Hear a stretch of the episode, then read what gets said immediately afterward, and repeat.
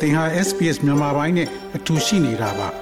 sbs.com.au/burmese မှာပုံမထူးခဲ့တဲ့သတင်းစာမားတွေကိုရှားဖွေပါခီးတဲ့တင်လေးရင်လွယ်ကိုလေစိတ်အစဉ်ပြစ်ခတ်ခံရရန်ကုန်ကထွက်ခွာလာတဲ့မြမအမျိုးသားလေကြောင်းလိုင်း MNA ရဲ့ခီးစဉ်မှတ် UB149 လေရင်သည်လွယ်ကိုကိုဆင်းသက်ဖို့ပြင်ဆင်တဲ့အချိန်ပြစ်ခတ်ခံရပါတယ်။ ပြစ်ခတ်ခံရတဲ့အတွက်ခရီးသည်တယောက်ရဲ့ညာဘက်ပါကြီးထိမှဖောက်ဝင်တန်းရရှိခဲ့တယ်လို့စစ်အာဏာရှင်ဘက်ကသတင်းထုတ်ပြန်ပါတယ်။လွယ်ကိုလေစိတ်အစင်မှာလေရင်ကိုပြစ်ခတ်ခံရတဲ့ဆိုတာကို လေရင်ပေါ်လိုက်ပါသွားတဲ့တခြားခီးသည်တွေကလည်း VOA ကို ပြောဆိုပါတယ်။စစ်ကောင်စီရဲ့သတင်းထုတ်ပြန်ချက်မှာတော့ခီးသည်63ဦးတင်ဆောင်လာတဲ့ MNA လေကြောင်းလိုင်းကလေရင်ဟာမနေ့8:45မိနစ်အချိန်လောက်မှာလွိုက်ကိုလေစိတ်ကိုဆင်းသက်စဉ်အမြင့်ပေ3500ခန့်လေရင်ပြေးလန်းမြောက်ဘက်၄မိုင်အခန့်ကွာမှာပြစ်ခတ်ခံရတယ်လို့ဖော်ပြထားပါတယ်။ဒဏ်ရာရရှိတဲ့လူနာကိုလွိုက်ကိုဆေးရုံကြီးကိုပို့ဆောင်ထားတဲ့အကြောင်းနဲ့ပြစ်ခတ်တဲ့လက်နက်အမျိုးအစားကိုစီစစ်နေစေဖြစ်တယ်လို့ဖော်ပြထားပါတယ်။ KNPP နဲ့ PDF အဖွဲ့တွေကပြစ်ခတ်တာလို့ဆွဆွဲထားပြီးစစ်ရေးနဲ့မသက်ဆိုင်တဲ့ပြစ်မှတ်တွေကိုတိုက်ခိုက်ပြစ်ခတ်အကြမ်းဖက်လုံရက်တွေကျူးလွန်နေတယ်လို့စစ်အာဏာရှင်ကဆွဆွဲထားပါတယ်။ KN မျိုးသားတိုးတက်ရေးပါတီ KNPP ရဲ့အတွင်းရေးမှူးနှစ်ခုဒန်နီယယ်ကတော့အယက်သားလေရင်တွေကိုပြစ်ခတ်ဖို့ညွန်ကြားချက်မရှိတဲ့အကြောင်းနဲ့ဒီကိစ္စကိုစုံစမ်းစစ်ဆေးနေတယ်လို့ VOA ကိုပြောဆိုပါတယ်။ခီးသည်လေရင်ကို ရည်ရွယ်ချက်ရှိရှိပြစ်ခတ်တယ်ဆိုရင်အရေးကြီးသွားမှာဖြစ်တယ်လို့လည်းခုဒန်နီယယ်ကပြောဆိုသွားပါတယ်။ Hurricane Ian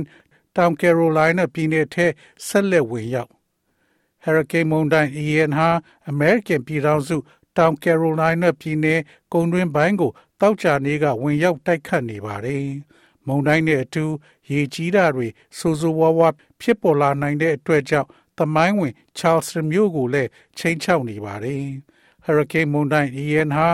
Florida ပြည်နယ်ကိုလည်းဝင်ရောက်တိုက်ခိုက်ခဲ့ပြီးအပျက်စီးတွေကြီးမားခဲ့သလိုလူထောင်ပေါင်းများစွာဟာသူတို့ရဲ့နေအိမ်တွေထဲမှာပိတ်မိနေကြပါတယ်။ Hurricane Ian ရဲ့ဗဟိုချက်မဟာတောက်ကြနေနေ့လယ်ပိုင်းလောက်မှာ Georgetown မြို့နားကကမ်းခြေကိုဝင်ရောက်တိုက်ခိုက်ခဲ့တာဟာဆိုရင်ဗုဒ္ဓဟူးနေ့က Florida ပြည်နယ် ကမ်းခြေကိုတိုက်ခိုက်ခဲ့တာလောက်ပြင်းအားမရှိပေမဲ့တော်တော်ပြော့သွားခဲ့တယ်လို့ American မျိုးသား Hurricane Center ကပြောဆိုပါတယ်။မုန်တိုင်းကြောင့်လမ်းတွေပေါ်မှာသစ်ပင်တွေလမ်းမီးတိုင်တွေလဲကျနေပြီး Charleston မြို့လေကကျွန်းဆွယ်နေရာမှာရေကြီးနေပါတယ်။ဒီ Hurricane မုန်တိုင်း Ian ကြောင့် American ပြည်ထောင်စုမှာအနည်းဆုံး9ဦးသေဆုံးပြီးဒီအရေးအတွက်ထက်လည်းများနိုင်သေးတယ်လို့ခန့်မှန်းနေကြပါတယ်။ Australia ရဲ့ဗီဇအခက်အခဲများယာယီဗီဇကင်ဆိုင်သူများသည်အမြဲတမ်းနေထိုင်ခွင့်အတွက်စောင့်ဆိုင်းရမယ့်အချိန်များကြာမြင့်သည့်အတွက်နိုင်ငံအနှံ့စန္ဒပြခဲ့ကြပါသည်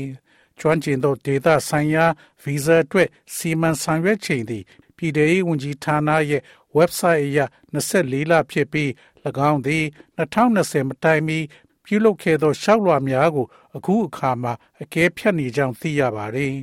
Brisbane Melbourne Hobart နှင့် Adelaide တို့တွင်ယာနှင့်ချီသောရွှေပြောင်းနေထိုင်သူများသည်၎င်းတို့ဗီဇာလျှောက်ထားမှုကိုဦးစားပေးလှုပ်ဆောင်ရန်အစိုးရအားတောက်ကြနေကတောင်းဆိုခဲ့ပါသည်။ပေါင်ကူဗီဇာ bridging visa ဖြင့်ပိတ်မိနေတဲ့ရွှေပြောင်းနေထိုင်သူအရေးအတွက်သည်6ဆတိုးလာကြောင်း The Migrant Worker Center မှအစီရင်ခံစာအသစ်အရသိရှိရပါတယ်။ Melbourne တွင်လူထုစီဝေးပွဲတစ်ခုတက်ရောက်ခဲ့သည့် Barry Jesh က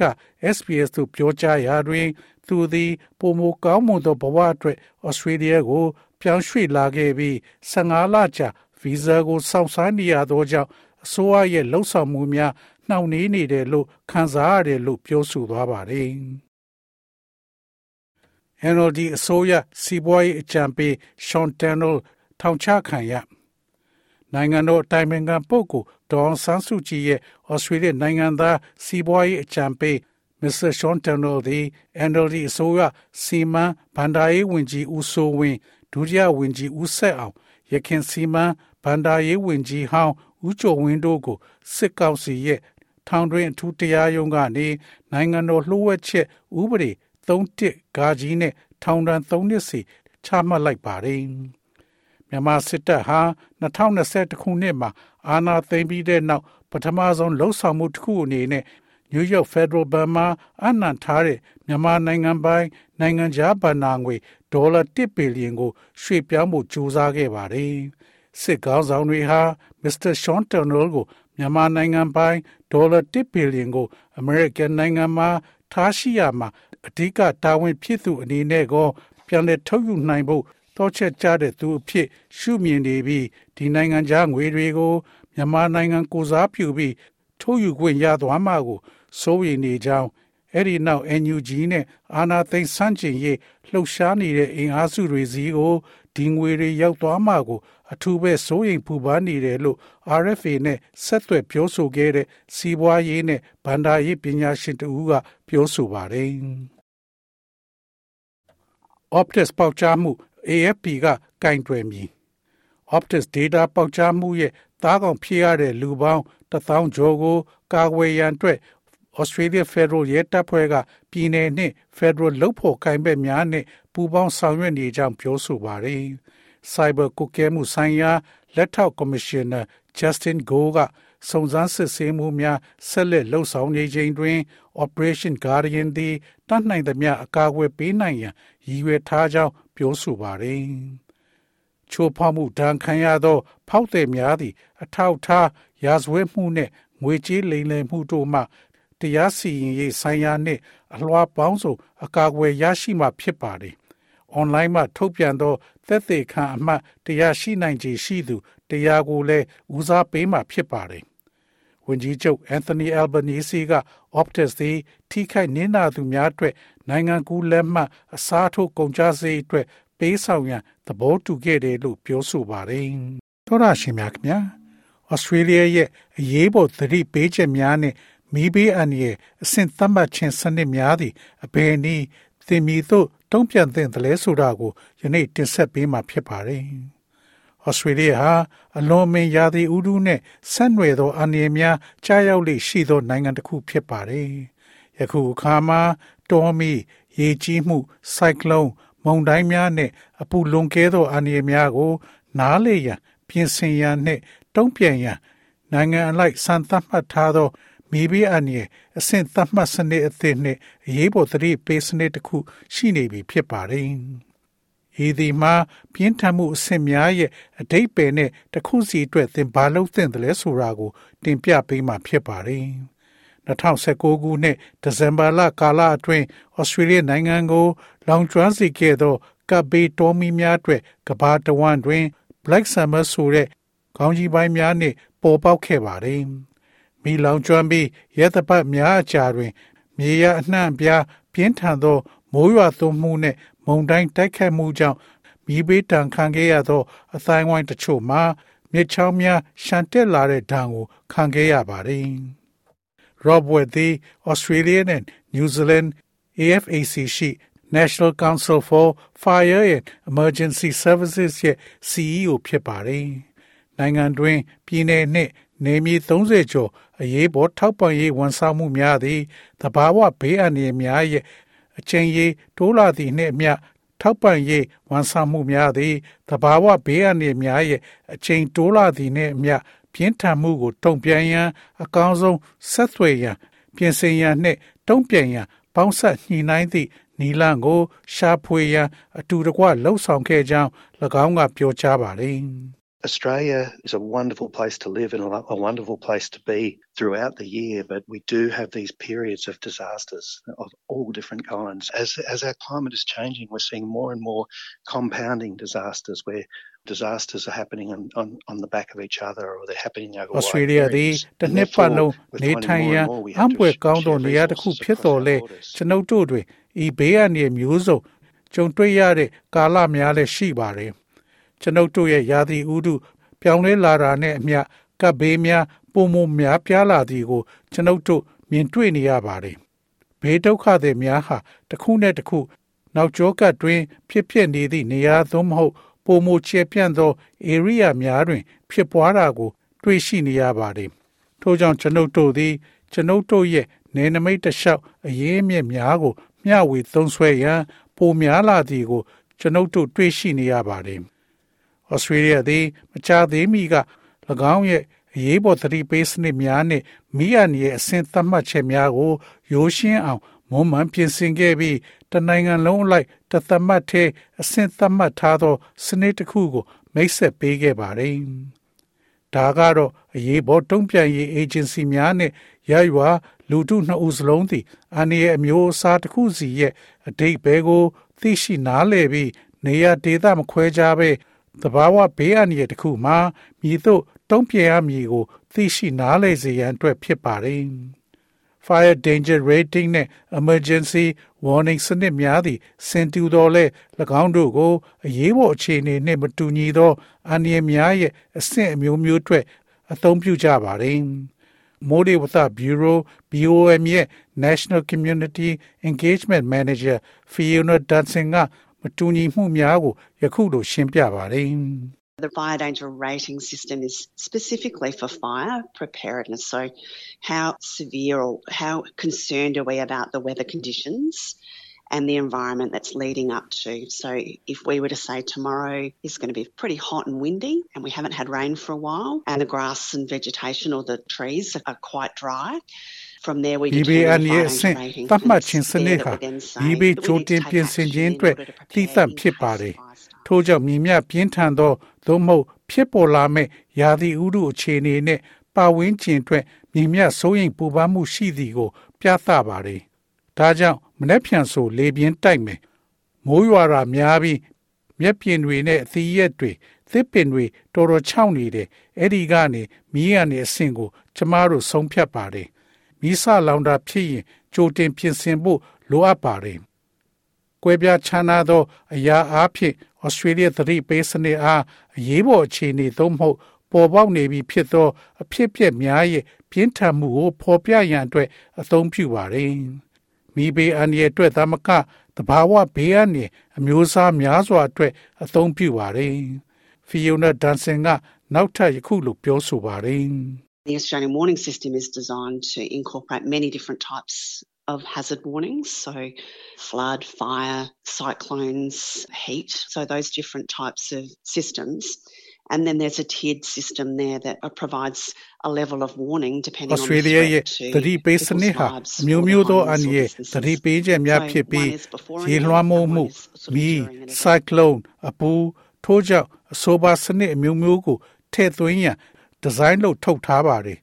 ပြီးတော့လူတွေရဲ့အသက်ဒါမှမဟုတ်သူတို့ရဲ့အိုးအိမ်ဒါမှမဟုတ်လုပ်ငန်းတွေကိုချိန်ချမှုအပေါ်မူတည်ပြီးသတိပေးတဲ့အဆင့်ကို ပေးမဲ့အဆင့်ရှိတဲ့စနစ်တစ်ခုရှိပါတယ်။ဒါကြောင့်တစ်ခုကအဖြစ်ပြက်တစ်ခုမတိုင်ခင်ဖြစ်ပြီးတစ်ခုကအဖြစ်ပြက်တစ်ခုအတွင်းမှာဖြစ်ပေါ်တဲ့တစ်မျိုးဖြစ်ပါတယ်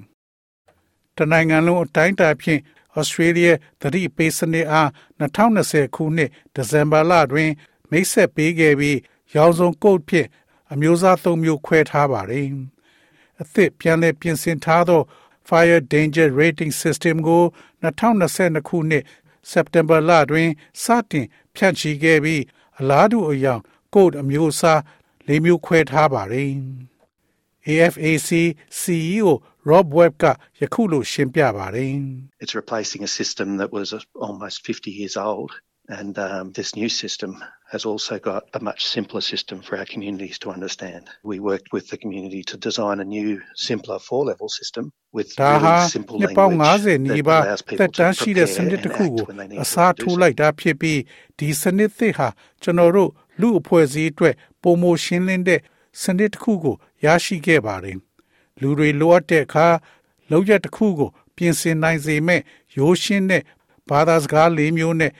ရိုးရှင်းပြီးအဆင့်40စနစ်အသစ်ကိုဒီဇိုင်းရေးဆွဲဖို့အတိုင်းဝိုင်းနဲ့လက်တွဲလှုပ်ဆောင်ခဲ့ပါတယ်။ Elizabeth Go သည် New South Wales ကျေးလက်မီးသက်ဝန်ဆောင်မှုအတွက်ရေရှည်စေတနာဝန်ထမ်းတဦးဖြစ်ပါတယ်။ဒီသတိပေးချက်တွေကို နားလည်ဖို့အရေးကြီးတယ်လို့သူမကပြောဆိုပါတယ် One of the things that we always see is that people who don't leave, don't understand, or leave too late, we're often having to also work with them during very intense fires. And what that's actually doing is it's actually drawing away resources from firefighting because ကျမတို့အမြဲတွေ့မြင်နေရတဲ့အရာတစ်ခုမှာဘေးကနေရှိတဲ့အခါထွက်ခွာသွားခြင်းကို နားမလည်ခြင်းသို့မဟုတ်နောက်ကျမှထွက်ခွာသွားသူများသည်အလွန်ပြင်းထန်သောမီးလောင်ကျွမ်းမှုအတွင်း၎င်းတို့နှင့်မကြာခဏလက်တွဲလှုပ်ဆောင်နေရခြင်းပင်ဖြစ်ပါတယ်။ပြီးတော့အဲ့ဒါကြောင့် တကယ်လုံနေကြတဲ့မိငိမ့်သတ်မှုကနေအရေးမြစ်တွေကိုဖယ်ထုတ်လိုက်တာက လူတွေကို ပြုစုစောင့်ရှောက်ဖို့လိုအပ်ချက်တွေကနေအဲ့ဒီအန္တရာယ်ရှိတဲ့အခြေအနေတွေကနေရုံထွက်ဖို့စူးစမ်းတဲ့လူတွေကိုသွားရောက်ပံ့ပိုးပေးရတာဖြစ်ပါတယ် Fire Danger Rating System အသစ်သည်မတူညီသောအရေးပေါ်တုံ့ပြန်ရေး agency များနှင့်မိုးလေဝသဌာနတို့မှစူးစီးထားသော နောက်ဆုံးပေါ်သိပ္ပံနှင့်အချက်လက်များကို ပေါင်းစပ်ထားတာဖြစ်ပါတယ်။စနစ်သစ်သည်နိုင်ငံအနှံ့ပြားရှိ ကွဲပြားသောယာသည်ဥတုနှင့်သဘာဝပေါက်ပင်အမျိုးအစားများကိုထည့်သွင်းစဉ်းစားထားတယ်လို့ Mr. Wet ကပြောကြားပါတယ်။ So at that take action now, it really means you make a decision about what your actions will be on that day. When the fire conditions get up to that extreme level, that's where you really must be able to say, if a fire starts on those conditions, they will not be controlled in the heat of the day. So you have to be aware of what you're going to do. ဒါကြောင့် take action now မှာအဲ့ဒါကအဲ့ဒီနေ့မှာသင်ဘာလုပ်လဲဆိုတာကိုဆုံးဖြတ်ချက်ချတယ်လို့တကယ်ဆိုလိုပါတယ်။မီးလောင်မှုအခြေအနေကအဲ့ဒီအဆင့်ရောက်သွားတဲ့အခါအဲ့ဒီအခြေအနေမှာမီးစတင်လောင်ကျွမ်းရင်အဲ့ဒီနေ့ရဲ့အပူဓာတ်ကို ထိမ့်သိမ်းနိုင်မှာမဟုတ်ပါဘူးထို့ကြောင့်သင်ဘာလုပ်မလဲသင်ရဲ့တော်မီရှင်သန်မှုအစီအစဉ်သည် မြည်သည့်နေရာမှာနေမလဲသို့မဟုတ်ဘေးကင်းသောနေရာသို့ရွှေ့ပြောင်းမိကိုသင်သတိထားမှာဖြစ်ပါတယ်သင်ရဲ့တော်မီရှင်သန်မှုအစီအစဉ်နဲ့သင်ဘယ်လိုတုံ့ပြန်လဲဆိုတာသင်ရဲ့သီးခြားအခြေအနေတွေပေါ်မှာမူတည်တယ်လို့ Mr. Webb ကပြောဆိုပါတယ်။ Australia ရဲ့လူနေထူထပ်သောနေရာတချို့သည်ပိုပူသောကာလများအတွင်းမီးလောင်ကျွမ်းမှုကိုခံနိုင်ရသောလေမြောက်ပိုင်းကဲ့သို့ နိုင်ငံရဲ့အခြားဒေသများသည် ဆောင်းရာသီတွင်မီးလောင်ကျွမ်းမှုများကိုကြုံတွေ့ရလေရှိပါတယ်။ It will vary from person to person where your property is, how well prepared your property is. But ultimately speaking, if you hear that extreme forecast and you're in a bushfire prone area, that's where you must understand your own um, bushfire survival plan and then take that action of either you may choose to leave, you may choose to sit down with your family and discuss အိမ်ရဘယ်မှာရှိသလဲသင်ရဲ့မြေနဲ့အိမ်ယာကဘလောက်ပြင်ဆင်ထားသလဲအဆုံးစွန်ပြောရရင်ဒီလိုပြင်းထန်တဲ့ခံမှန်းချက်တွေကိုကြားပြီးတော်မီထူထပ်တဲ့ area မှာရှိနေရင်အဲ့ဒီနေရာမှာသင်ကိုယ်ပိုင်တော်မီရှင်သန်ရေးအစီအစဉ်ကို နားလည်ထားမှာဖြစ်ပါတယ်။ ပြီးရင်ထွက်သွားဖို့ရွေးချယ်နိုင်ပြီးသင်ရဲ့မိသားစုနဲ့ထိုင်ပြီးတနေ့မှာသင်ဘာလုပ်ရမလဲဆိုတာကို အတိအကျဆွေးနွေးထားနိုင်ပါတယ်။တော်မီသုံးမဟုတ်တခြားအနေများဖြစ်ပေါ်လာတာနဲ့တပြိုင်နက်အဆင့်30ရှိသော Australia သတိပေးစနစ်များစတင်ဝင်ရောက်လာမှာဖြစ်ပါတယ်။ပထမအဆင့်က advice ဖြစ်ပြီးအဝါရောင်ဖြစ်ပြီးအန္တရာယ်စတင်နေပြီဖြစ်တော်လဲချက်ချင်းအန္တရာယ်မရှိဟုဆိုလိုတာဖြစ်ပါတယ်။ ဒုတိယအဆင့်မှာလိမ္မော်ရောင်ဖြစ်ပြီး watch and act ဟုခေါ်ဆိုပါတယ်ဆိုလိုသည်မှာအခြေအနေများ ပြောင်းလဲနေပြီးသင်ကိုယ်သင်ကာကွယ်ရန်လှုံ့ဆော်သင့်တယ်ဆိုလိုတာဖြစ်ပါတယ်တာရရအဆင့်မှာအနီရောင်အရေးပေါ်သတိပေးချက်ဖြစ်ပြီးသင်သည်အန္တရာယ်ကြားရောက်နေပြီးလှုံ့ဆော်မှုနှေးပါကသင်အသက်အန္တရာယ်ကိုထိခိုက်စေနိုင်တယ်လို့ဆိုလိုတာဖြစ်ပါတယ်သတိပေးချက်တစ်ခုစီကို သင်မြကဲသို့တုံ့ပြန်သင့်သည်ကိုလည်းအရေးပေါ်အမျိုးအစားအပေါ်တွင်မူတည်ကြောင်း Miss Dunson ကပြောဆိုပါတယ်။ရေကြီးခြင်းသို့မဟုတ်မီးလောင်မှုဖြစ်လျင်အဆိုပါနေရာမှရွှေ့ပြောင်းရန်လိုအပ်ပါတယ်။သို့တော်လည်းအနည်းသည်အပူလွန်ကဲခြင်းသို့မဟုတ်မိုးသီးမုန်တိုင်းများကြားရောက်ပါကသင်အရေးတစ်ခုခုမှခိုလုံရန်လိုအပ်ပါတယ်။သင်နဲ့သင်အိမ်ထောင်စုသည်မြည်သို့တုံ့ပြန်မည်ကို ကြိုတင်သိရှိထားဖို့ကအရန်အရေးကြီးပါတယ် having a plan and talking about it with their household about, you know, if we are threatened by an event, what are the types of things we want to do? Where do we want to go? What will we take with us? What will we do with our pets, our children, all of those things. So it's really important that the discussions that are had at a household or within a community အစီအစဉ်တစ်ခုရှိတာနဲ့တင်းရဲ့အိမ်တောင်စုနဲ့ဒါရီနဲ့ပတ်သက်လို့တိုင်ပင်ပြောဆိုပါဖြစ်ပျက်တစ်ခုကြောင့်ကျွန်ုပ်တို့ ထိခိုက်ခံရရင်ကျွန်ုပ်တို့ဘာလုပ်မလဲဘလို့မျိုးစားလဲဆိုတာကိုသင်သိပါသလားကျွန်ုပ်တို့ဘယ်ကိုသွားခြင်းလဲကျွန်ုပ်တို့နဲ့အတူဘာယူသွားမလဲကျွန်ုပ်တို့ရဲ့အိမ်ဝေးတရိษံများကျွန်ုပ်တို့ရဲ့ကလေးများနဲ့ကျွန်ုပ်တို့ဘာလုပ်ကြမလဲထိုအရာများအားလုံးသည်အိမ်တော်စုတစ်ခုတွင်သို့မဟုတ်ရရွာတစ်ခုအတွင်းဆွေးနွေးမှုများသည်၎ င်းတို့မပေါ်ပေါက်မီအဖြစ်အပျက်အမျိုးအစားအတွက်တရားဝင်သတိပေးချက်များကို မထုတ်ပြန်မီကောင်းမွန်စွာ ပြုလုပ်ရန်အရာအရေးကြီးပါတယ်။ Mr. Webb ကလူတိုင်းသည်၎င်းတို့ဒေသတွင် ဖြစ်ပွားနိုင်တဲ့အန္တရာယ်အမျိုးအစားများဆိုင်ရာ အချက်လက်များကိုရှာဖွေရန်၎င်းတို့သည်ဒေသဆိုင်ရာ အရေးပေါ်ဝန်ဆောင်မှုများကို ဆက်သွယ်သင့်တယ်လို့ဆိုပါတယ် Do you get floods? Do you get storms? Do you get fires? Understand the risks that might be there and learn what you can do to um, reduce those risks. That's most important. And that takes a little bit of work, but a small investment in time to understand the ရေ hazards ကြီး in နေ the သလား area ဘုံ can တိုင်းတွေ actually ကြုံ save နေ your ပြီ life လား further down မီးလောင်နေသလားထိုအန္တရာယ်များကို နားလေပြီးထိုအန္တရာယ်များကိုရှော့ချရန်သင်ပါလုံနိုင်လဲကိုလေ့လာပါအဲ့ဒါကအရေးအကြီးဆုံးပါပဲ အဲ့ဒါအတွက်အလုတ်အနေငယ်လောက်ရမှာပါဝင်တော်လဲ area အတွင်းရှိအန္တရာယ်များကို နားလေရန်အချိန်အနည်းငယ်အတွင်းယင်းဤမြုပ်နှံခြင်းသည်သင်အသက်ကိုတကယ်ကယ်တင်နိုင်မဲ့လမ်းကြောင်းပေါ်သို့ပို့ဆောင်ပေးနိုင်ပါတယ်သောရရှိမြခင်ဗျာ SPS သတင်းဌာနက Claudiana Bianco ရဲ့ဆောင်းပါးကိုဘာသာပြန်တင်ဆက်ပေးထားတာဖြစ်ပါတယ်ခင်ဗျာသောရရှိမြခင်ဗျာရွေးကောက်ပွဲမဲစင်းမှာပါရှိတဲ့ ဩစတြေးလျနိုင်ငံသားတိုင်းကိုခုံသမာဓိအဖွဲ့ဂျူရီအဖွဲ့ဝင်လူကြီးအတွက်ဆင့်ခေါ်နိုင်ပါတယ်။ဒါပေမဲ့သင်ကိုဂျူရီအဖြစ်ဆင့်ခေါ်ခံရရင်ဘာတွေပါဝင်လဲဂျူရီအဖွဲ့ဝင်လူကြီးတွေကဘာအတွက်လဲဆိုတာကို တင်ပြပေးမှာဖြစ်ပါတယ်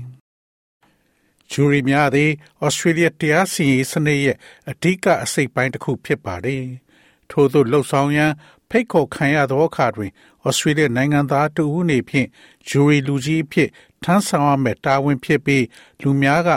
ခေါ်ယူမှုကို မလုံဆောင်ပေးပါကဒဏ်ငွေတက်ခံနိုင်ရပါတယ်။ဂျူရီဖွဲ့သည်တရားမျှတမှုစီမံခန့်ခွဲရေးတွင် လူမှုရေးအဖွဲ့ဝင်များကိုတက်ကြွစွာ ပါဝင်ဆောင်ရွက်ခွင့်ပေးထားတာဖြစ်ပါတယ်။ Dr. Andrew Burke သည် Macquarie Law School မှကတိကထဖြစ်ပြီး Jurist Doctor မှ Director ဖြစ်ပါတယ်။ Juries are a way of involving the community in the legal process. And in that sense, juries are part of Australian democracy. So that when somebody is charged with a serious crime, the people who get to decide if that person ဂျူရီများသည် is guilty or not တရားစီရင်ရေးလုပ်ငန်းစဉ်တွင် or a judge ရရွာလူထုပါဝင်တဲ့ဒီလန်တစ်ခုဖြစ်ပါတယ် who make up the ။ jury. အဲဒီသဘောအရဂျူရီများဟာဩစတြေးလျဒီမိုကရေစီရဲ့အစိတ်ပိုင်းတစ်ခုဖြစ်တာကြောင့်တစုံတဦးအားကြီးလေးသောရာဇဝတ်မှုဖြစ်ဆွဲချက်တင်တဲ့အခါထိုလူမှာအပြစ်ရှိမရှိကို ဆုံးဖြတ်ပေးနေသူများသည် ရှေ့နေသို့မဟုတ်တရားသူကြီးမဟုတ်တော့လဲဂျူရီအဖွဲ့မှသာမန်အဖွဲ့ဝင်12ယောက်ကဆုံးဖြတ်ပေးတာဖြစ်ပါတယ်။ဩစတြေးလျရှိဂျူရီများကို အချို့သောအမှုအမျိုးအစားအတွက်သာအသုံးပြုကြောင်း Monash တက္ကသိုလ်ဥပဒေဌာနက Jackie Horan ကပြောဆိုပါတယ်။ခိုးမှုကဲ့သို့သောမပြင်းထန်သောရာဇဝတ်မှုတချို့ကိုဂျူရီလူကြီးများမပါဘဲတရားသူကြီးကသာကြားနာ ဆုံးဖြတ်နိုင်တယ်လို့ဆိုပါတယ်။ The juries in Australia are only in cases that are very serious. So we have them for murder trials, armed robbery trials, and trials of sexual assault. ဩစတြေးလျရှိ The ဂျူရီ less များသည် serious အလွန် criminal ပြင်းထန်သော cases ကိစ္စများအတွက်သာ like, ဖြစ်ပါတယ် um, last heard without ဒါကြောင့်လူသတ်မှုစုံစမ်းမှုတွေလက်နက်ကင် ဓမြတိုက်မှုတွေနဲ့လိမ်ပိုင်းဆိုင်ရာကျူးလွန်မှုတွေအတွက်စုံစမ်းမှုတွေပြုလုပ်ဖို့ကျွန်တော်တို့မှာဂျူရီလူကြီးများရှိပါတယ်။ခိုးမှုကဲ့သို့မပြင်းထန်သောရာဇဝတ်မှုမျိုးမှာဂျူရီလူကြီးများမပါဘဲတရားသူကြီးကသာကြားနာဆုံးဖြတ်နိုင်ပါတယ်။ဂျူရီကိုယ်စားလှယ်လောင်းများရဲ့အမည်ကိုဩစတြေးလျရွေးကောက်ပွဲမဲစင်းရင်မှဂျာပန်ရွေးချယ်ထားကြောင်း Charles Strat တက္ကသိုလ်မှဥပဒေနဲ့ တရားမျှတမှုဆိုင်ရာ Center Director Mark Nolan ကပြောဆိုပါတယ်။ Usually, the process is you would receive a letter that says you have been summoned for jury duty. Go to this website and fill in a, a, survey and tell us about yourself and tell us about whether you think you can sit on a trial and be a juror. Sometimes it might ask you questions about your English ပုံမှန်အားဖြင့်လုပ်ငန်းစဉ်သည်မင်းကို jury တာဝန်အတွက် ဆင့်ခေါ်ခြင်းခံရပြီးအဲ့ဒီ website သို့သွားပြီးစစ်တမ်းတစ်ခုဖြည့်ပြီးသင်အကြောင်းကိုပြောပြပြီးသင် jury ခေါ်ယူမှုမှာပါဝင်နိုင်သည်ကို ပြောပြပါဂျူရီဖြစ်ဖို့အတွက်တခါတရံတွင်သင်ရဲ့အင်္ဂလိပ်စကားကျွမ်းကျင်မှုနဲ့ပတ်သက်၍မေးခွန်းများမေးနိုင်ပါတယ်တခါတရံတွင်သင်အလုံးနဲ့ပတ်သက်တဲ့မေးခွန်းများကိုလည်းမေးနိုင်ပါတယ်ဒါမှမဟုတ်အမှုတွင် ပါဝင်ပတ်သက်နေသည်ကိုသိလားမသိလားကိုလည်းမေးမြန်းနိုင်ပါတယ် အများအားဖြင့်ဂျူရီလူကြီး12ဦးရှိတော်လဲတခါတရံတွင်အဲ့ဒါထက်နည်းနိုင်တယ်လို့တွဲဖက်ပေါမောက္ခဟိုရန်ကရှင်းပြပြီးစီးမြင်များသည်ပြည်နယ်နဲ့နေမြေတစ်ခုစီတွင်ကွဲပြားတယ်လို့ဆိုပါတယ် In the serious criminal cases, the number of jurors in a case isn't always the same. It depends on the different parts of Australia where you're in, but usually it's 12. In some places in Australia, they actually have juries for civil cases like they do in America. So there might be a civil case of somebody suffering a major injury, perhaps in a hospital. ခြေရသောမှုကင်းများတွင်အမှုတွဲတစ်ခုတွင်ဂျူရီများအရေးအတွက်သည်အမြဲတမ်းတူညီမှာမဟုတ်ပါဘူး။သင်ရောက်ရှိနေတဲ့ Australia ရဲ့ကွဲပြားသောဒေသများပေါ်မှာမူတည်တော်လဲများသောအားဖြင့်ဂျူရီအဖွဲ့ဝင်12ဦးရှိပါတယ်။ Australia ရှိတချို့သောနေရာများတွင်၎င်းတို့သည် America ကလိုပဲရပ်ဖက်အမှုများကိုဆုံးဖြတ်ဖို့အတွက်ခုံရုံများထားရှိကြပါတယ်။ဒါကြောင့်တရားကြီးကြီးမားမားခံစားရတဲ့တစုံတစ်ယောက်အတွက်အရက်ဖက်အမှုတွဲတစ်ခုရှိကောင်းရှိနိုင်သလိုဒါကဆေးရုံမှာဖြစ်နိုင်ပါတယ်။ဒါမှမဟုတ်ဆရာဝန်တွေကိုတရားစွဲနိုင်တာမျိုးလည်းဖြစ်နိုင်ပါတယ်။ Victoria လို့နေရာမျိုးမှာဒီအမှုကိုကြားနာတဲ့ jury လူကြီး6ဦးရှိနိုင်ပါတယ်။တ ချို့သောအခြေအနေများမှာကလေးငယ်များရဲ့မိဘတဦးတည်းသို့မဟုတ်တစုံတဦးမှ လုပ်ငန်းအသေးစားတစ်ခုလှုပ်ဆောင်မှာကဒေါက်တာဘတ်ကဖော်ပြသည်မှာအဲ့ဒီလူရဲ့လုပ်ငန်းကို ထိခိုက်နိုင်ခဲ့ရင်ဂျူရီကိုယ်စားလောင်းတဦးဖြစ်ဖို့အတွက်လာရောက်ခြင်းမှကင်းလက်ခွင့်ပေးနိုင်တယ်လို့ဆိုပါတယ် The Jury Act exempts some categories of people from jury duty. For example, lawyers. I'm exempt from being a juror because I'm a lawyer. Also, people with very important jobs. If you are Jury Act သည်လူတချို့ကို jury တာဝန်ပေးခြင်းမှကင်းလွတ်ခွင့်ပေးထားပါတယ်။ဥပမာအားဖြင့်ရှေ့နေများကျွန်ုပ်တို့သည်ရှေ့နေတူဖြစ်သောကြောင့် jury ဖြစ်ခြင်းမှကင်းလွတ်ခွင့်ပေးနိုင်ပါတယ်။ဒါအပြင်အလွန်အရေးကြီးတဲ့အလောက်ကန်ရှိသူတွေလည်းဖြစ်နိုင်ပါတယ်။တကယ်လို့သင်ဟာအရေးပေါ်ဆရာဝန်သို့မဟုတ်သူနာပြုတူဖြစ်နေပါကသင်သည် jury လူကြီးဖြစ်ရမလိုအပ်ပါဘူး။ အလားတူတစုံတစ်ယောက်သည်အခြားအာယုံချုပ်ရင်းနေပါက၎င်းတွင် ပြင်းထန်သောကျန်းမာရေးပြဿနာများရှိနေပါက၎င်းတို့သည်တက်ကြီးရွယ်အိုများကို ပြုစုဆောက်ရှောက်ပေးနေလို့မထားနိုင်ခဲ့ရင်ကင်းလွတ်ခွင့်ပေးနိုင်ပါတယ်။အမှုစစ်ဆေးစီရင်ကာလတလျှောက်လုံးမှာသင်မနေနိုင်ဘူးလို့ဂျူရီဖြစ်မဲ့လူကြီးတယောက်ကခံစားရရင် အမှုမစခင်မှာပြောသင့်တယ်လို့ဒေါက်တာဘတ်ကဆိုပါတယ်။ At the very beginning, before the trial starts, the judge or the Crown prosecutor will give a brief description to the jurors to say that this is what the charge is and this is what the, the sort of evidence that you're going to hear. So, of course, many trials might involve upsetting evidence and photographs and so on. So they describe that and they'll say if any of you ရုံးချိန်မစတင်မီအစတွင်တရားသူကြီးသို့မဟုတ်တရားလိုရှေ့နေသည်ဤဒီမှာဆွဲချက်တင်ခြင်းဒါကိုဆွဲချက်တင်ခြင်းဖြစ်တယ် ဒါကကြားနာရမယ့်သက်သေဖြစ်တယ်ဟုဂျူရီများထံအတူကျုံဖော်ပြပါလိမ့်မယ်ထို့ကြောင့်တရားရုံးအမှုများတွင် စိတ်အနှောက်အယှက်ဖြစ်စေမဲ့အထောက်ထားများနှင့်ဓာတ်ပုံများအစရှိသည်တို့ပါဝင်နိုင်ပါတယ်ဒီတော့သူတို့ကအဲ့ဒါကိုသင်ကိုဖော်ပြမှာပါပြီးတော့သူတို့ကသင်တို့ကဒါကိုဘဲမလိုက်ပဲမလုံနိုင်ဘူးလို့ထင်ရင်အခုအချိန်မှာပြောပါသင်ကိုခွင့်ပြုနိုင်မှာပါ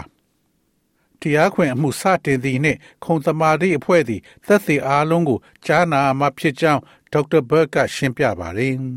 So the jury must be there for all the evidence. So all the witnesses giving evidence, they see all of the photographs, any video, DNA, any of that kind of evidence, but they're out of the courtroom when there are arguments about what the law is, and then when those arguments are settled, they come back in and the judge will ဒါကြောင့်သက်သေအားလုံးအတွက်ခုံသမာဓိအဖွဲ့ရှိရမယ်။ဒါကြောင့်သက်သေပြတဲ့သက်သေတွေအားလုံးကဓာတ်ပုံတွေဗီဒီယိုတွေဒါမှမဟုတ် DNA တွေအကုန်လုံးကိုအဲ့ဒီအထောက်အထားတွေကိုတွေ့ရပါမယ်။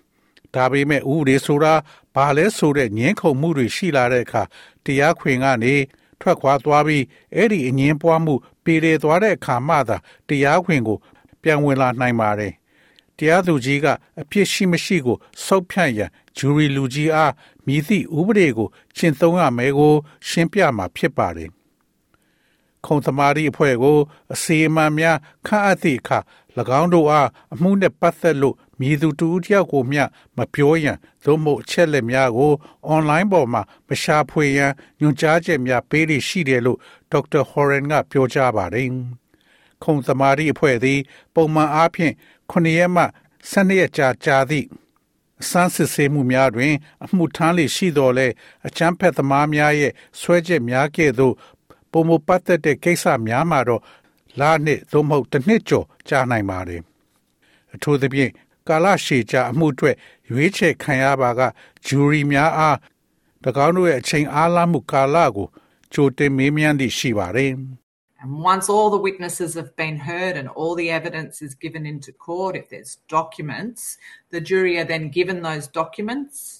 and they're given the transcript of the court case and they're put into a jury deliberation room and they're asked to deliberate and it can take some time several talks သက်သေအားလုံးကိုကြားနာပြီးသည်နှင့်တရားရုံးသို့ပေးဆောင်ပြီးသည်နှင့်စာရွက်စာတမ်းများရှိပါက ခုံသမာဓိအဖွဲ့မှအဆိုပါစာရွက်စာတမ်းများကို ပေးအပ်ပြီး၎င်းတို့အားတရားရုံးရဲ့အမှုတွဲမှတ်တမ်းကို ပေးအပ်မှာဖြစ်ပါသည်၎င်းတို့ကိုဂျူရီလူကြီးများဆွေးနွေးခန်းတွင် ထားရှိကသုံးသက်ဝေဖန်ရန်ပြုလုပ်ပေးထားပါတယ်ဂျူရီလူကြီး12ဦးစလုံးသည် ပြဿနာအလုံးကိုဆွေးနွေးရန်အချိန်အနည်းငယ်သို့မဟုတ်နိုင်များစွာကြားနိုင်ပြီးတရားခံသည်ကြိုးကြောင်းစီလျော်သောတန်တရားဖြစ်ဖွယ်ထက်ကျော်လွန်၍အပြစ်ရှိကြောင်းခြေနှမ်းမှုရှိစေရန်သို့မဟုတ်စစ်ဆေးတွေ့ရှိပါကအပြစ်ရှိကြောင်းကိုဆုံးဖြတ်ချက်ပေးနိုင်ပါသည် ဒေါက်တာဟော်ရန်ကစီရင်ချက်သည်တညီတညွတ်တဲ့ဖြစ်ရန်လိုအပ်ကြောင်းသို့မဟုတ်ရှိုကိစ္စများတွင်ဂျူရီ၁၁ယောက်မှတယောက်ထိသဘောတူရန်လိုအပ်တယ်လို့ဆိုပါတယ်။ Whilst the serious cases like murder in most parts of Australia require all 12 jurors to agree, there are some times where only 11 out of the 12 jurors need to agree for a verdict to be accepted by the judge from the jury. So, for example, it might be a sexual assault case, and 11 of the jurors Australia ရဲ့နေရာအများစုမှာလူသတ်မှုကဲ့သို့ပြင်းထန်သောအမှုများတွင်ဂျူရီလူကြီး12ဦးစ လုံးသဘောတူရန်လိုအပ်တော်လဲတခါတရံတွင်တရားသူကြီးကဂျူရီလူကြီး12ဦးတွင်17ဦးကသာစီရင်ချက်ချရန်သဘောတူရန်လိုအပ်တယ်လို့ဆုံးဖြတ်နိုင်ပါတယ်။ဥပမာလိမ်ပိုင်းဆိုင်ရာစော်ကားမှုကိစ္စမျိုးတွေမှာဂျူရီလူကြီး12ဦးကတရားခံသည်အပြစ်ရှိကြောင်းသဘောတူရင်းတရားသူကြီးမပါဝင်ဘဲဆုံးဖြတ်ချက်ပေးနိုင်ပါတယ်။ တရားခုံသည်ခုံသမာဓိအဖွဲ့ရဲ့စီရင်ချက်အားလက်ခံရန်ကြိုးကြောင်စီလျော်သောတန်တရားလွန်ကဲစွာဆွဲချက်တင်ထားသောပြစ်မှုများအတွက်အပြစ်ဖြစ်ရန်လုံလောက်ပါတယ်။ဂျူရီလူကြီးများသဘောတူညီချက်မရရှိပါကမိတို့ဆောင်ရွက်လို့ရတယ်ဆိုတာကိုဒေါက်တာဘတ်ကရှင်းပြပါတယ်။ If the jury cannot agree 12 nil or 11 1, then it's what's known as a, a hung jury. And that means that there must be a new trial. Start all over again with a new trial and different jury. Or at that point, the prosecution can say, well, we give တကယ်လို့ jury လူကြီး12ယောက်စလုံးသို့မဟုတ်17ယောက်တယောက်ကသဘောမတူပါက၎င်းကို hung jury လို့ခေါ်ပါတယ်။ဆိုလိုဒီမှာတရားစီရင်မှုအသစ်တစ်ခုကိုစတရားမှာဖြစ်ပြီးတရားစီရင်မှုအသစ်တစ်ခုမှာ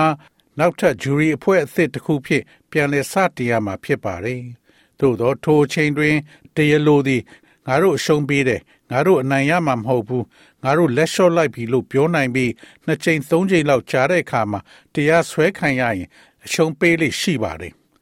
ဂျူရီတာဝန်ထမ်းဆောင်သည့်နေ့တိုင်းအတွက်ဂျူရီလူကြီးတူအားလာစားပေးဆောင်ရမယ်လို့ဒေါက်တာဟိုရန်ကပြောပါတယ် It is a requirement of everybody's boss that they paid the equivalent of what they'd normally be paid for if they were going to work, but they actually go into jury service. So each state and ဒါဟာလူတိုင်းအတွက်အလောက်ကိုင်ကသထေးရဲ့လိုအပ်ချက်တစ်ခုဖြစ်ပါတယ်။သူတို့ကအလောက်သွားမယ်ဆိုရင်ပုံမှန်ရမယ့်လစာနဲ့ညီမျှတဲ့လစာကိုပေးရမှာဖြစ်ပါတယ်။ထို့ကြောင့်ပြည်내နဲ့နယ်မြေတစ်ခုစီသည်သင်အားဂျူရီအဖွဲ့သို့တက်ရောက်ရန်နေတိုင်းငွေအနေငယ်ပေးပါတယ်။ဒါပေမဲ့ သင်ပုံမှန်ဝင်ငွေနဲ့မတူဘူးဆိုရင်သင်ရဲ့သထေးကအဲ့ဒါကို ဖြည့်ဆည်းပေးရမှာဖြစ်ပါတယ်။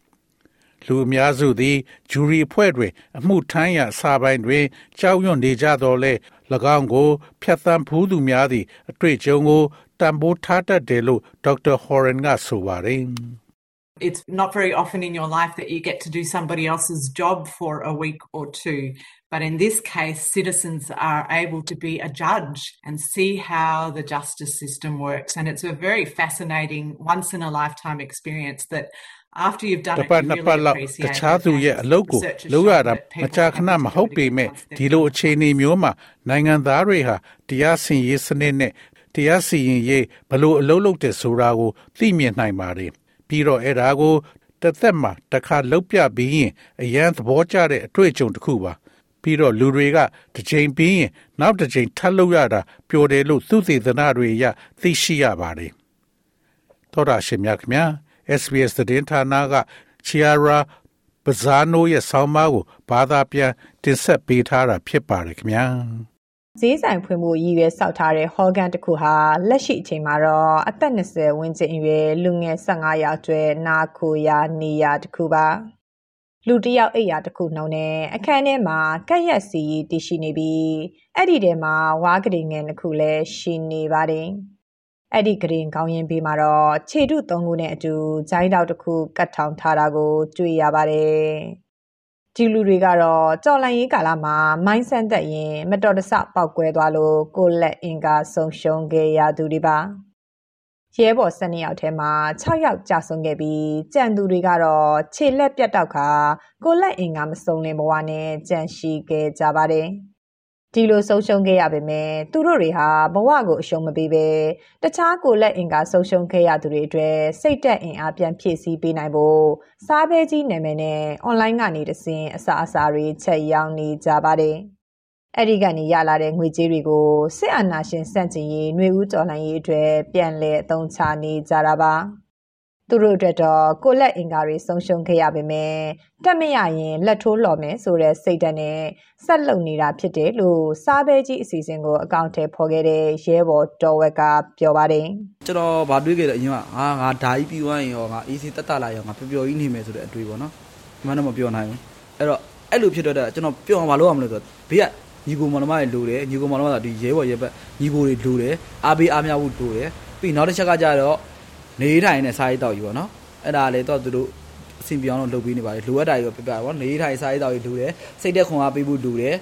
အဲပြီးရင်အဲ့သူတို့အလုပ်တစ်ခုခိုင်းနေဖို့လိုတယ်ဘာလို့လဲဆိုတော့ဘာလို့အလုပ်တစ်ခုခိုင်းတာလဲမင်းကကွာဒီတော့ဖြစ်နေအောင်မညာမတိုင်းမင်းမို့ပြောရဲလိုက်တာလို့ပြောရင်ပြောလိမ့်မယ်ကျွန်တော်ပြောချင်တဲ့အဓိကအကြောင်းကဘာလို့အလုပ်ခိုင်းမှာဆိုတော့ဘယ်လိုပြောမလဲစိတ်လေးနည်းနည်းပျောက်သွားအောင်လို့ဗျာတည့်ရတာတချို့လူတွေဆိုစိတ်ထဲနှက်လိုက်ရင်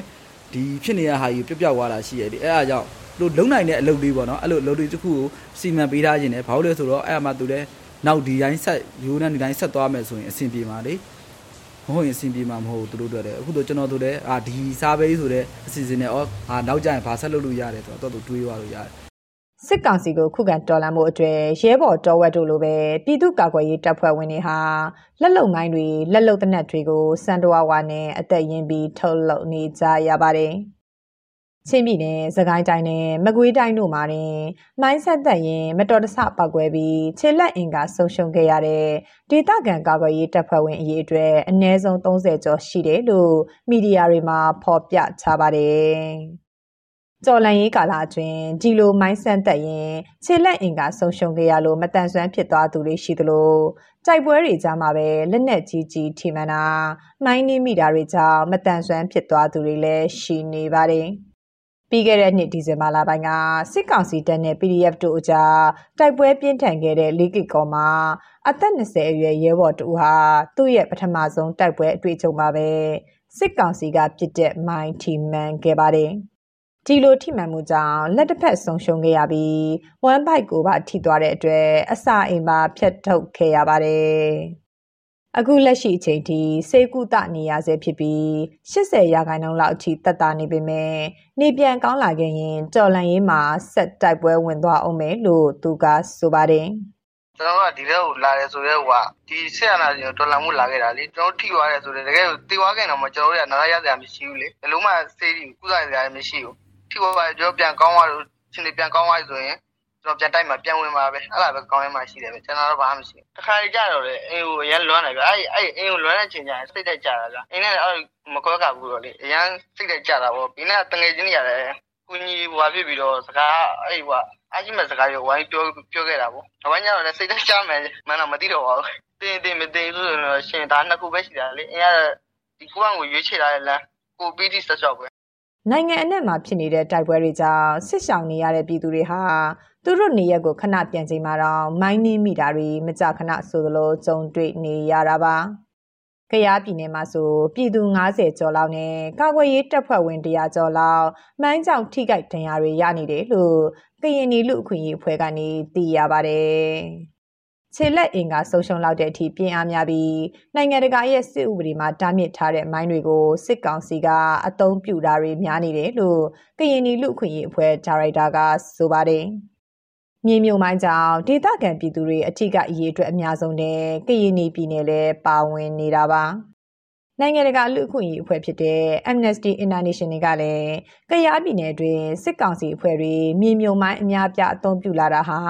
ရာဇဝတ်မှုမြောက်တယ်လို့ပြီးခဲ့တဲ့ဇူလိုင်လအတွင်းကထုတ်ပြန်ထားပါတယ်။ စစ်ဘက်အရက်ဘက်ပြစ်မှတ်မခွဲထားပဲ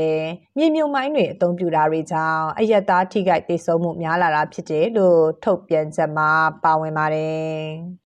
စစ်အာဏာသိမ်းပြီးတော့တနစ်ကျော်ကာလအတွင်းမြေမြုံမိုင်းနဲ့ပောက်ကွဲစေနိုင်တဲ့ပစ္စည်းတွေကြောင့်ကလေးငယ်တွေပါဝင်အရက်သား1600ကျော်သေဆုံးခဲ့တယ်လို့လည်းကုလသမဂ္ဂကထုတ်ပြန်ထားပါတယ်။ ဒါကြောင့်အယက်သားထိခိုက်မှုတွေတေဆုံးမှုတွေနဲ့အောင်ကရားပြည်နယ်အတွင်းမိုင်းအန်နီရဲ့တတိပေးတဲ့ပညာပေးတွေလှုပ်ဆောင်တင်နေပြီလို့ကရင်နီလူအခွင့်အရေးအဖွဲ့ဒါရိုက်တာဥပညာကပြောပါတယ်မိုင်းအန်နီရဲ့ပညာပေးလုပ်ငန်းတွေကကျွန်တော်တို့တက်တက်အခုလို့ပို့လို့အားတယ်ကျွန်တော်ပြင်အခုအခုချင်းပြောရမယ်ဆိုတော့အဖူဖူမျိုးနဲ့လက်ကွာမျိုးနဲ့ဒီမော့ဆိုမျိုးနဲ့ဆိုရင်အဖူတိစစ်ပွဲဖြစ်နေအခုတောက်လျှောက်ပါတော့ကာနာမကြီးနဲ့ဒီနာမှာအပွားဝင်အပွားဝင်ရှိတဲ့ နေရာတိုင်းမှာကျွန်တော်မိုင်းတွေမိုင်းတွေကအများများလုံးသွားပြီဒီ mining ပေါ့နော် mining ကလည်းချင်းနေလုပ်ငန်းတွေကိုဒီကဲကိုခုအခုချင်းနေရစပြီးတော့နိုင်ငံတွေကအဖွဲ့အစည်းတွေစပြီးတော့မှအဖီနာဆွဲဖို့လွာလာဒီလိုကျွန်တော်ပြောလို့ရပါတယ်အဲ့တော့အခြားတစ်မှာကလည်းဒီဒီမိုင်းတော့ပြုမှုတွေကိုကျွန်တော်ပြပြနေတာကျွန်တော်ကကကွက်ဖို့လွာပါတယ်အထူးသဖြင့်ဆက်ပြီးမိုင်းဆိုဆက်ချမိုင်းဆိုတာကကျွန်တော်တို့နိုင်ငံကမှာလည်းတန်းနေထားတဲ့အာကျွန်တော်တို့မိုင်းတွေဖြစ်လို့ပေါ့အထူးသဖြင့်ဆက်ပြီးမိုင်းတွေပေါ့နော် အဲ့ဒီမိုင်းတွေကို အသုံးပြုနေတဲ့ထူးထူးစစ်ကောင်စီကို ကျွန်တော်ပြပြနေတာကံကံကတက်တာတွေ နောက် ဥပဒေကြောင်းရပါတော့နိုင်ငံကဥပဒေကြောင်းရဒီလိုနဲ့အောင် ကျွန်တော်ကဖိတ်ဖို့ရင်းနေဒီချက်အာလို့ဖို့ လိုအပ်တဲ့အချိန်မှာ ကျွန်တော်ပြရပါတယ်ခင်ဗျ ဒီလိုမျိုး တိုက်ပွဲတွေကြောင့်ကြော်လန့်ရေးကာလအတွင်း ထိခိုက်ဒဏ်ရာတွေရရှိပြီးမတန်ဆွမ်းဖြစ်သားသူတွေ ရှိသလို တော်လန့်ရေးမစခင်ကတည်းက စစ်အာဏာရှင်စန့်ကျင်ရေးမှာ ပါဝင်ရင်ဘဝစတိခံလိုက်ရတဲ့မတန်ဆွမ်းတွေလည်း ရှိခဲ့ပါတယ်။ စစ်ကောင်စီကိုအလိုမရှိကြောင်းငင်းညဲစွာဆန္ဒထုတ်ဖော်ခဲ့ချိန်ကစပြီးတော်လှန်ရေးကာလတလျှောက်အသက်ဆုံးရှုံးခဲ့ရတဲ့မတန်ဆွမ်းအရေးအတွက်300ကျော်ရှိတယ်လို့မတန်ဆွမ်းအရေးလှုပ်ရှားတဲ့အဖွဲ့တွေစီကသိရပါတယ်။ဒါအပြင်ပြီးခဲ့တဲ့နှစ်မက်စလာလောက်ကစစ်ကောင်စီတပ်ရဲ့ကြည်အစစ်နဲ့တပိတ်တွေကိုပြစ်ခတ်ဖြိုခွင်းနှိပ်စက်မှုကြောင့် ခန္ဓာကိုယ်အနှံ့မီးလောင်ခဲ့ပြီးညာလက်ပြက်ကမျက်စိတစ်ဖက်ဆုံးရှုံးခဲ့ရတဲ့မကွေးကအင်ဂျင်နီယာကျောင်းသားကိုလျံဖြိုးအောင်ကိုစစ်ကောင်စီကစေကူတာခွင့်မပေးဘဲအကျဉ်းချခဲ့ပါတယ်။သူ့ကိုစစ်ဆေးရုံမှာပဲစေကူတာခွင့်ပေးပြီးထောင်တွေတစ်ခုပြီးတစ်ခုပြောင်းကနောက်ဆုံးမှာတော့အလုတ်ကျန်းနဲ့ထောင်ဒဏ်၃နှစ်ချမှတ်ခဲ့ပါတယ်။ ကျော်လိုက်ရေးကာလအတွင်းကိုလက်အင်ကချွတ်တဲ့သွားလို့မတန်ဆွမ်းဖြစ်သွားသူတွေဟာအများအပြားလူငယ်အရွယ်ဝင်းကျင်တွေပါ။ဒီလိုလူငယ်တွေအတွက်အရေးကြီးဆုံးကစိတ်တက်မြင့်တင်ပေးဖို့လိုတယ်လို့ပြောလာသူကမတန်ဆွမ်းသူများခွင့်တူညီမျှရေးညှိနှိုင်းရေးကော်မတီဥက္ကဋ္ဌ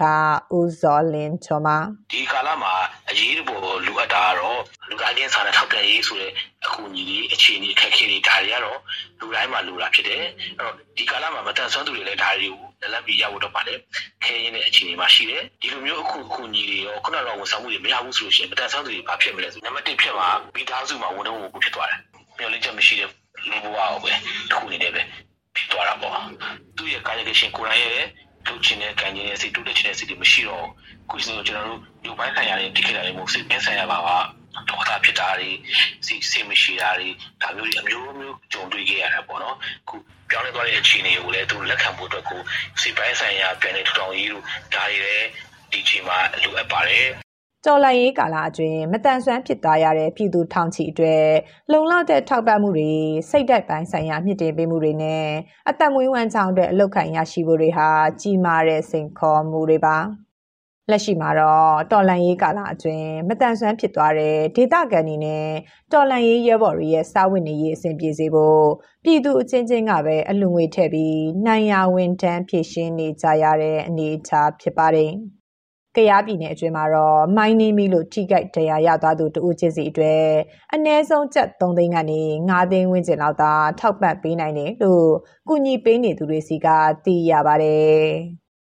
အမျိုးသားညီညွတ်ရေးအစိုးရ NUG ကိုယ်တိုင်ကလည်းမတန်ဆွမ်းနေအတွက်ကုညီထောက်ပံ့မှုတွေဟာလုံလောက်မှုမရှိသေးမှန်ဝန်ခံထားပါတယ်။ NUG သမရာယုံပြောခွင့်ရဦးကျော်စောကတော့ဒီကျွန်တော်တို့ရဲ့ထိန်းချုပ်နယ်မြေတွေပို့ပြီးများလာတဲ့အမျှကျွန်တော်တို့ရဲ့စွမ်းအင်တွေပို့ပြီးတော့အားကောင်းလာတာနဲ့အမျှကျွန်တော်တို့တွေအများကြီးလုပ်ပေးနိုင်မဲ့အနေအထားမှာရှိပါတယ်။အဲ့ဒီလူတွေရဲ့စိတ်သက်ရေးရာအစပေါ့နော်။ ပြန်ပြီးတော့ကူညီပေးရမယ်။အဲ့လိုမျိုးကူညီပေးဖို့လည်းအစီအစဉ်ဆောင်ရွက်နေတာရှိပါတယ်။နောက်ပြီးတော့သူတို့တွေရဲ့ဘဝရည်တည်မှုအတွက်ဒီသင်တန်းတွေပို့ချပေးတာတွေအဲ့ဒါမျိုးတွေလည်းနောက်တစ်ချိန်မှလာပါမယ်။ဆိုတော့သူတို့ကိုချီတော့ဘောကိုရက်တီနေပြီးတော့သူတို့ရဲ့မိသားစုကိုယ်တိုင်အတွက်ကောမိသားစုအတွက်ပါအထောက်ပံ့ပေးနိုင်မဲ့လုပ်ငန်းတာဝန်တွေဆောင်ရွက်နိုင်ဖို့အတွက်တက်ပညာတွေပေါ့နော်ဆိုတော့အဲ့ဒါမျိုးတွေကအစဒီသင်ကြားပေးတာလို့တင့်တော်တဲ့ ပညာတွေကိုသင်ကြားပေးဖို့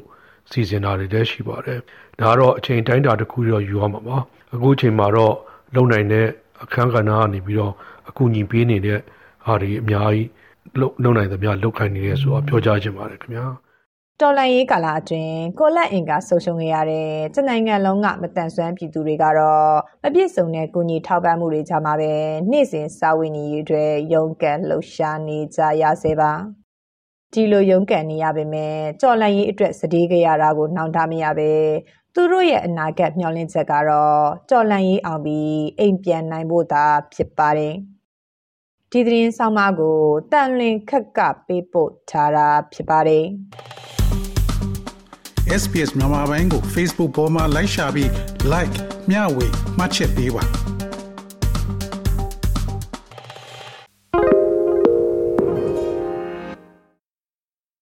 SBS is Australia's most trusted multilingual broadcaster. Our listeners are loyal, highly engaged, and have supported countless local businesses. We offer advertising packages for businesses of all sizes. Our experienced sales team will guide you through the process of owning a great campaign. Bring your own ad or have our production team make you something in one of our 68 languages. Start the conversation with your new audience today. Email sales at sbs.com.au.